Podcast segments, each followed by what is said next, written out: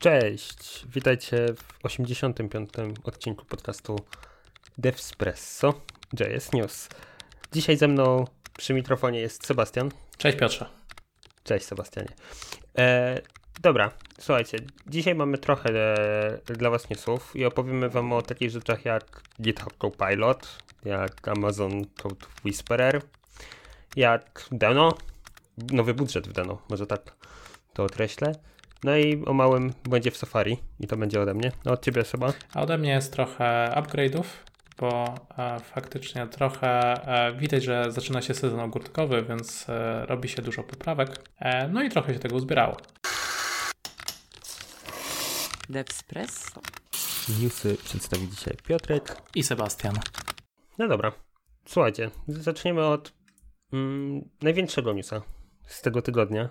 Od tego, że GitHub Copilot jest, a właściwie będzie dostępny dla wszystkich od 22 sierpnia, jak dobrze, jak dobrze widziałem. Prawda, dostałem tego maila i powiem Ci szczerze, że trochę mnie zdziwił, bo e, ja nie ukrywam, że ja dosyć długo korzystam z Copilota, praktycznie od początku, kiedy ogłosili Technical Preview i się przyzwyczaiłem, a tutaj dostałem pricing i to trochę mnie zaskoczyło. Ja mam, ja mam podobnie, też, też długo korzystam już z Copilota i bardzo mi się podoba. Ale może, żeby przypomnieć niektórym, czym jest GitHub Copilot. GitHub Copilot to jest zestaw AI, tak naprawdę, stworzony przez GitHub, a głównie przez Microsoft, do podpowiadania programiście konkretnych snippetów kodu w trakcie, w trakcie jak piszemy na podstawie kontekstu, e, na podstawie języka i innych podobnych rzeczy, nie? I działa to całkiem fajnie, ma wsparcie w Visual Studio Code, w IntelliJ'u, w Emaxie chyba nawet z tego co widziałem, e, coś mają wprowadzić i w Visual e, Studio, tym zwykłym. Copilot działa całkiem nieźle. Muszę przyznać, że właśnie tak jak i Sebastian, przyzwyczailiśmy się. Pricing nas trochę zdziwił, bo też mały nie jest, nie będę ukrywał. Bo 10 dolarów na miesiąc lub 100 dolarów na rok to jest sporo. Tym bardziej biorąc pod uwagę, że jest to oddzielna subskrypcja od subskrypcji za samego GitHuba, nie? W wersji Pro, w wersji Teams i w wersji, już nie mówię o wersji Enterprise, nie? E, dodatkowo, no nie ukrywajmy, że oni trenowali te, te modele o open source, więc... To... Tak, oni, oni trenowali w ogóle te modele o, o cały kod, który mają, nie? U siebie. Mówię, jest to drogie. Jeden mały szkopuł, jeżeli jesteście użytkownikami GitHub Enterprise u Was w firmach, to GitHub Copilot jeszcze nawet w, najprawdopodobniej 22 sierpnia nie będzie miał pricingu dla Enterprise'a. Przynajmniej, przynajmniej jeszcze.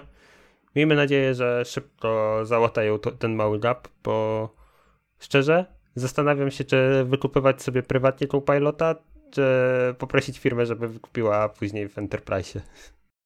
Ja wiem, że mi firma akurat nie wykupi ze względu na security, ale prywatnie coś mi się wydaje, że po prostu kupię sobie od razu tą roczną licencję. Więc tak, Copilot jest, będzie oficjalny 22 sierpnia. Ciekawostka, która wpadła, bo GitHub Copilot e, wpadł tak naprawdę we wtorek, jak dobrze pamiętam. W środę czy w czwartek Amazon miał swój mały event dla deweloperów i tam pokazał inny sposób e, AI, czyli też trochę konkurencję alternatywę, którą nazwali Code Whisperer.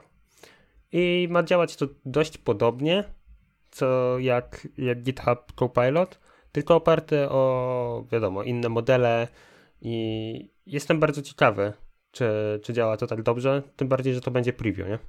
Konkurencja zawsze służy, przynajmniej może ten pricing obniżył w Copilocie. Zresztą, jakby nie patrzeć, robi no. się nawet ciasnawo, bym powiedział, bo tych pluginów e, e, robi, już mamy ze trzy co najmniej, które ja ko kojarzę, bo mamy Copilota, mamy e, od Amazona to, co mówisz, że jest preview, a chyba takim przodownikiem był jeszcze Tabdine. No, dokładnie o Tabdine nie pomyślałem i, i Jezu, z niego to też długo korzystałem jak dobrze pamiętam, za, za czasów juniorskich jeszcze. Mm. Tutaj dużo, dużo i ciasno się robi. Jestem bardzo ciekawy, na ile między sobą będą walczyć, no bo y, ten Whisperer i Copilot, no to są takie no, narzędzia AI tak naprawdę per programingowe, jakby to jest aparat, której nam często brakuje w trakcie, jak piszemy sami kod, nie? No i jestem ciekawy, czy, gdzie tu można powalczyć? Co, lepiej ułożyć model? Szybsze podpowiadanie? Ciężko, ciężko będzie mi e, też w którymś momencie na pewno zdefiniować cenę, którą się płaci, nie? Bo jestem pewien, że albo będą obniżać te koszty, albo będą chcieli, żebyśmy płacili tyle samo, no i ciężko jest mi wymyślić coś więcej. Cięż, ciężko myślę, że będzie też wybrać, porównać, bo to będzie dosyć subiektywna opinia. Ale to jak dostaniemy tym razem zaproszenie na technical preview dla, od Amazona, to, to damy znać. E... Tak, na pewno. Będziemy porównywać.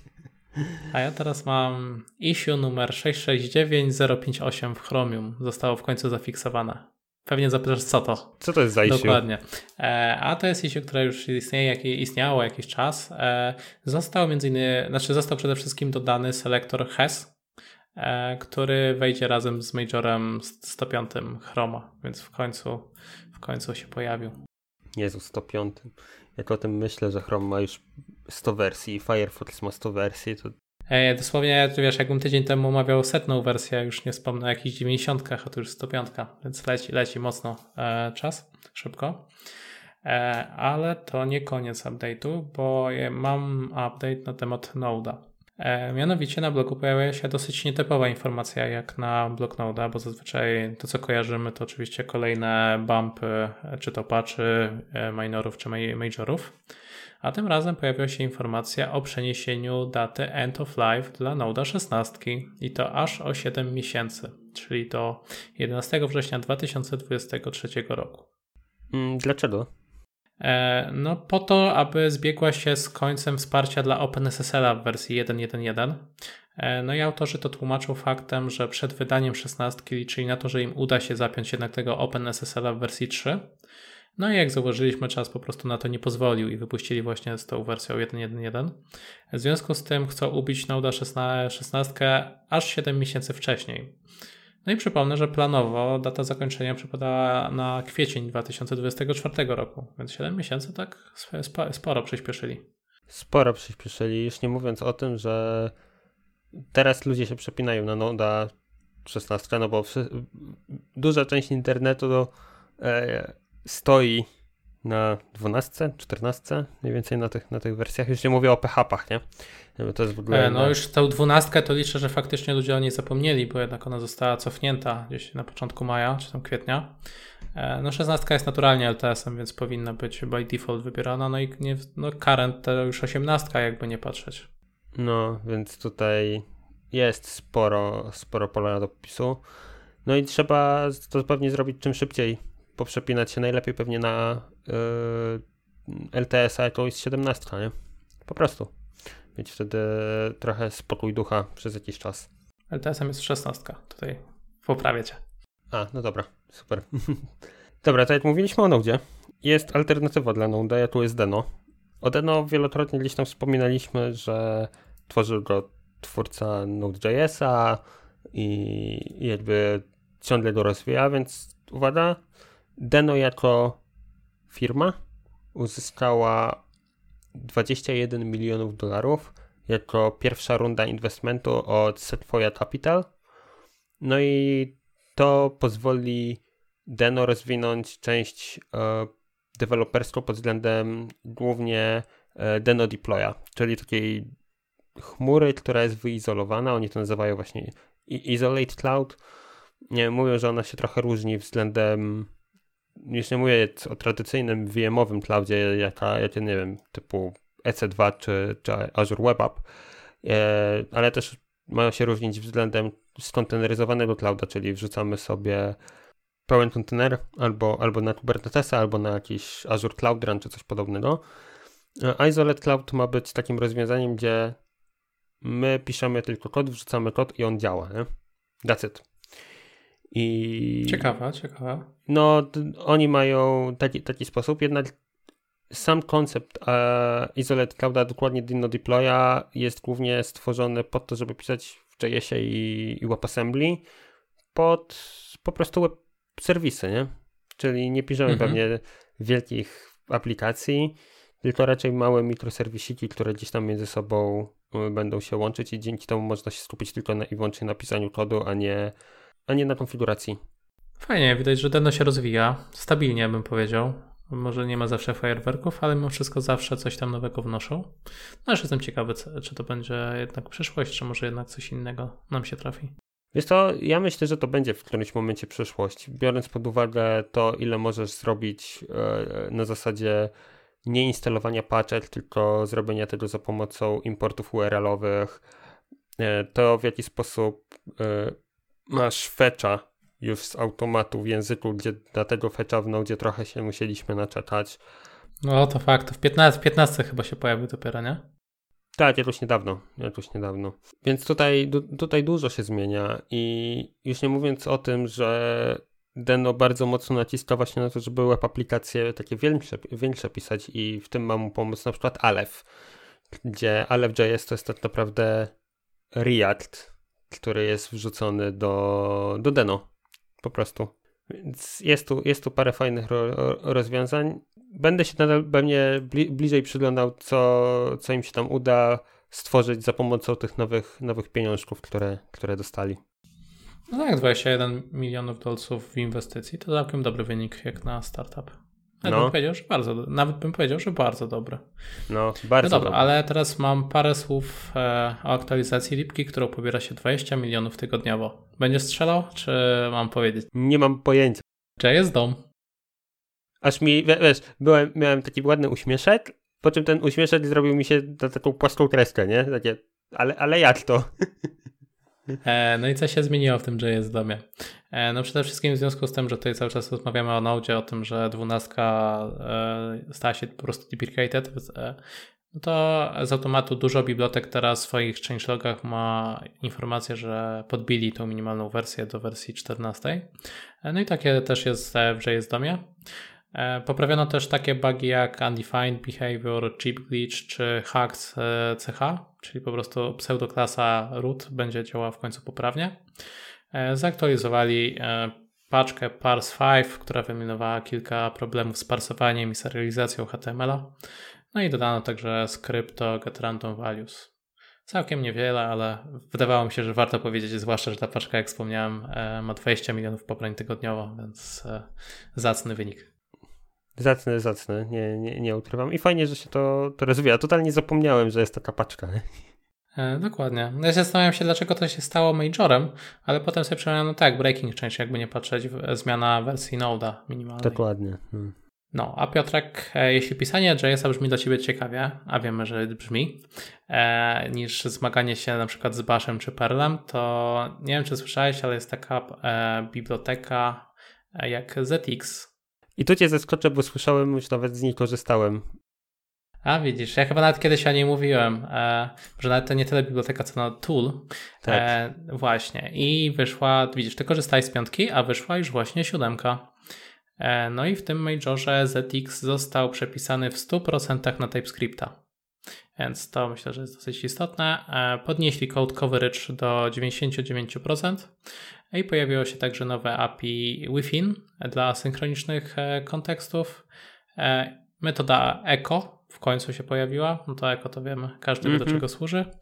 E, wsparcie dla flagi eval, czy też repl, wsparcie dla repla. E, fajnie. Dobra, to y, gdzie to, jakby muszę wejść chyba na GitHuba, gdzie to mogę ściągnąć, sobie stagów pociągnąć y, tą nową, ten fajny nowy tool, który jest, przypomnę, od Google'a. Tak, Google ostatnio całkiem dużo paczek e, e, całkiem dużo paczek e, wystawia open source'owych. Ostatnio nawet widziałem, że czekaj, jak to się nazywało? Python in Fire, coś takiego. I generalnie napisali w Pythonie toola do wystawiania dynamicznych CLI-ów, więc fajnie, że szerują takie rzeczy. A pytanie, jak chcesz to pobrać, no to po prostu robisz npm install-global e, zx i będziesz miał najnowszą wersję. Chyba, że sobie zrobisz od razu adnotację małpa latest, czyli klasyka NPM. Klas, klasyka NPM. Dobra, to sobie zaraz, zaraz pociągnę. No dobra, a co jeszcze nowego? E, wyszła nowa wersja Prettiera, mianowicie 2.7. No i to, co się zmieniło, to głównie zostało dodane wsparcie dla TypeScripta wersji 4.7 a także pojawiły się dwie nowe flagi w CLI Cache i Cache Strategy, czyli tutaj też nie ma co się... E... Nie ma co się rozwodzić, wszyscy dodają TypeScript. Dobra, a powiedz mi, a słyszałeś o React Time? Albo miałeś okazję korzystać? Wiesz co? Nie. Właśnie ja też nie, ale, ale właśnie zobaczyłem, że jest to Reactowy tool e, do mierzenia performance'u. E, swoją drogą został nominowany do React Open Source Awards w 2020 roku, więc tym bardziej się dziwię, że gdzieś tam e, no, nie kojarzyłem za bardzo tego narzędzia. Wyszła właśnie nowa wersja 14.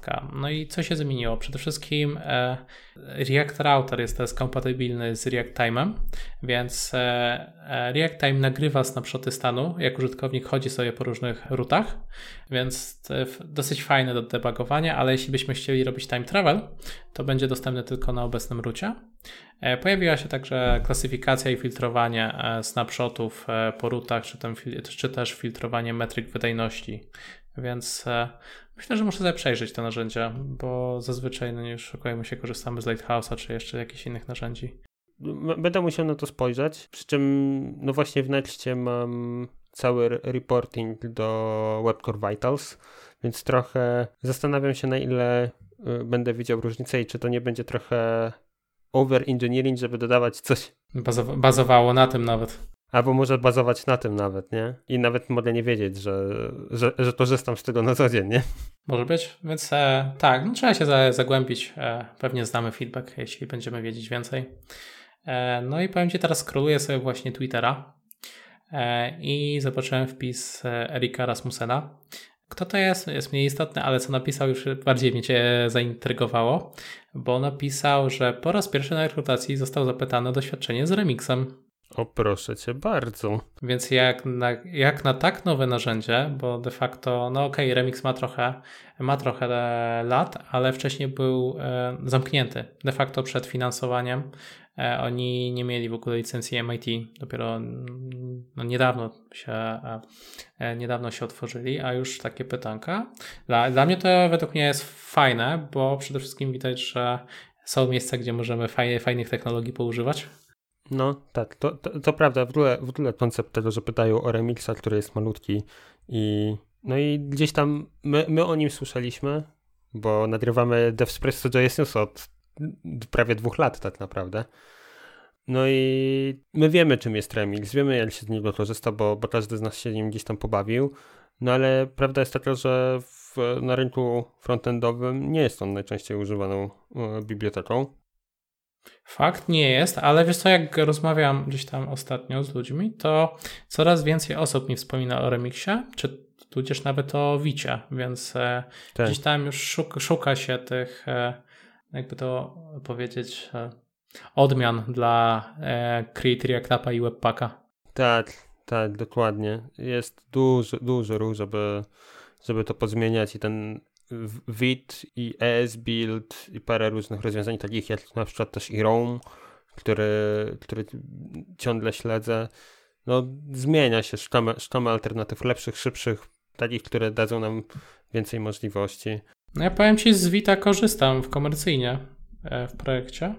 No i jestem no, mega zadowolony. Faktycznie gdzieś na początku trzeba było się trochę bardziej nagimnastykować niż z e, Create React Appem, ale generalnie satysfakcja wstawania frontu w pół sekundy yy, bezcenna.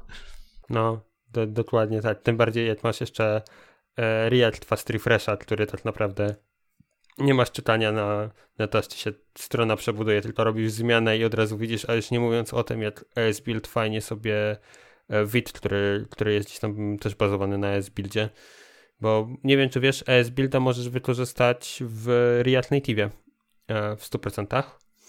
Mhm. Już, już widziałem tego, e, gdzieś tam koncepty, no i to powoduje, że w momencie jak chcesz zrobić zmianę, no to nie masz przynajmniej w widoku takim deweloperskim nie masz wielkiego przebudowywania się, albo inaczej, to przebudow przebudowanie, przebudowanie aplikacji jest, ale trwa mniej niż minutę, tak? Jak na aplikację mobilną, to jest mało. Mhm. I, i, I to fajnie działa. Naprawdę, jakby klikasz, od razu widzisz zmianę, możesz szybko wprowadzać zmiany. Bardzo fajnie, fajnie że, że to wchodzi. Jak już mówię też o mobilkach yy, i React Native. Niedawno był, było WWDC i, i tam pokazywali mnóstwo fajnych rzeczy, że wyjdzie sobie nowe Safari, że będzie miało mnóstwo nowych rzeczy. Mm, gdzieś tam ja jestem na bieżąco z release notami dla technologii preview i tam wprowadzają, wiecie, web pushe na przykład dla PWA, e, paski, że będzie lepszy WebAuthn i inne podobne rzeczy, ale o badach to się nie mówi, nie? Przewinęło mi się na Twitterze, że jest bat w Safari i to głupi bat w Safari, który powoduje coś takiego, że jeżeli w twoim batonie który masz do otwarcia jakiegoś linka, pod spodem wpakujesz 30 filmików, to Safari nie otworzy jednego, otworzy 30 i nałoży je na siebie. Wow. I teraz wyobraź sobie, że jeżeli chcesz zamknąć te filmiki, to niestety iOS ma bardzo wolne animacje, więc zanim się przyklikasz, to trochę to minie, nie? Ciekawe, nie, nie słyszałem o tym. No, ja też nie słyszałem i byłem, byłem wielce, wielce zaskoczony. Najlepsze jest to, że podrzucę na pewno linka w, w opisie. Jest taki fajny snippet kodu, który pokazuje, co tam robi. I tam jest po prostu zwykła, zwykła tablica, wrzucone jedno to samo wideo w jeden element i po prostu na set timeoutie zerowym po prostu ustawione, hej, odpal mi każde, każde wideo, koniec. Nie? No i jak klikniesz przycisk, no to otwiera te wszystkie wideo na raz i nie wiadomo, co się dzieje, nie? Wstyd. No, wstyd trochę. E, żeby nie było, BAT jest zgłoszony w Barzilli e, webkitowym. Z tego, co, co w tej chwili widzę, to BAT jest zrobiony, ale ja do niego nie mam dostępu. Więc ktoś, ktoś ewidentnie już się za niego wziął i go ukrył. E, żeby nie było widać, nie, nic się nie dzieje, wszystko jest, wszystko jest dobrze, naprawimy jak będzie, jak będzie potrzeba. Zakładam, że po prostu naprawiał i nic o tym nie powiedzą, nie? Wiesz, żeby tak, tak nie cisnąć e, Safari, przypomnijmy sobie jak e, wjechała gigantyczna paczka fixów i tutaj e, krytyków do Chroma i też nie podzielili się co tam weszło i ile to by trwało. Tak. Jakiś czas temu e, mówiliśmy o tym do Espresso. Więc widzisz, co, co tak naprawdę technologia to swoje. Dobra, no. wiesz co, ja już nie mam chyba nic, tak, ja już nie mam newsów na dzisiaj. Masz coś jeszcze? Wiesz co, ode mnie też już więcej nie będzie. Mamy sezon ogórkowy, więc tych newsów nie ma, nie ma jakoś dużo. Też zmian większych nie ma. Oczywiście pojawiają się konferencje, albo część z tych konferencji już się odbyła, bo jeszcze, jeszcze jakieś będą. Na tych konferencjach też nie ma jakoś dużo pokazywania zmian. Większość rzeczy to jest pokazywanie tego, jak może wyglądać lepszy de developer experience, na czym się powinniśmy skupiać. Powiem, widziałem bardzo fajną prezentację o tym, em emocjonujący, jak w ogóle emocjonalnie podchodzimy do deploymentu naszego kodu. Nam się wydaje, że my jako programiści jesteśmy prości, klikniemy push, dziękuję, do widzenia. No, to się tylko tak wydaje. Jest bardzo fajna prezentacja z JS Confa mm, od Aleksandry Sunderland, która właśnie opowiada e, na ten temat. E, widziałem też bardzo fajny, też z JS Confa, bardzo fajną prezentację na temat TypeScriptu i dlaczego TypeScript nie jest najlepszym rozwiązaniem i dlaczego powinniśmy mieć typy w JavaScriptie. Bardzo fajne, bardzo fajnie było poprowadzone, bo to było prowadzone przez gościa, który prowadził ten proposal do, do tego, żeby w ECMAScriptie dać, dać typy. Więc polecam. Jak znajdę, jak znajdę linki, to też podrzucę i będziecie mieć od razu w odcinku. Super. Dobra, dziękuję, dziękuję wszystkim za, za odsłuchanie tego odcinka. Oczywiście przypominam o tam subskrypcjach, łapkach w górę, e, komentarzach. Jeżeli się gdzieś pomyliliśmy, wrzucajcie, z chęcią wam odpowiemy. A jeżeli się nie pomyliliśmy, to też fajnie, jak gdzieś tam wrzucicie komentarz, co wam się podobało, może macie jakieś swoje własne przemyślenia. Dziękuję Ci, Sebastianie, za dzisiejsze nagranie i do usłyszenia. Dzięki, Piotrze. Do usłyszenia.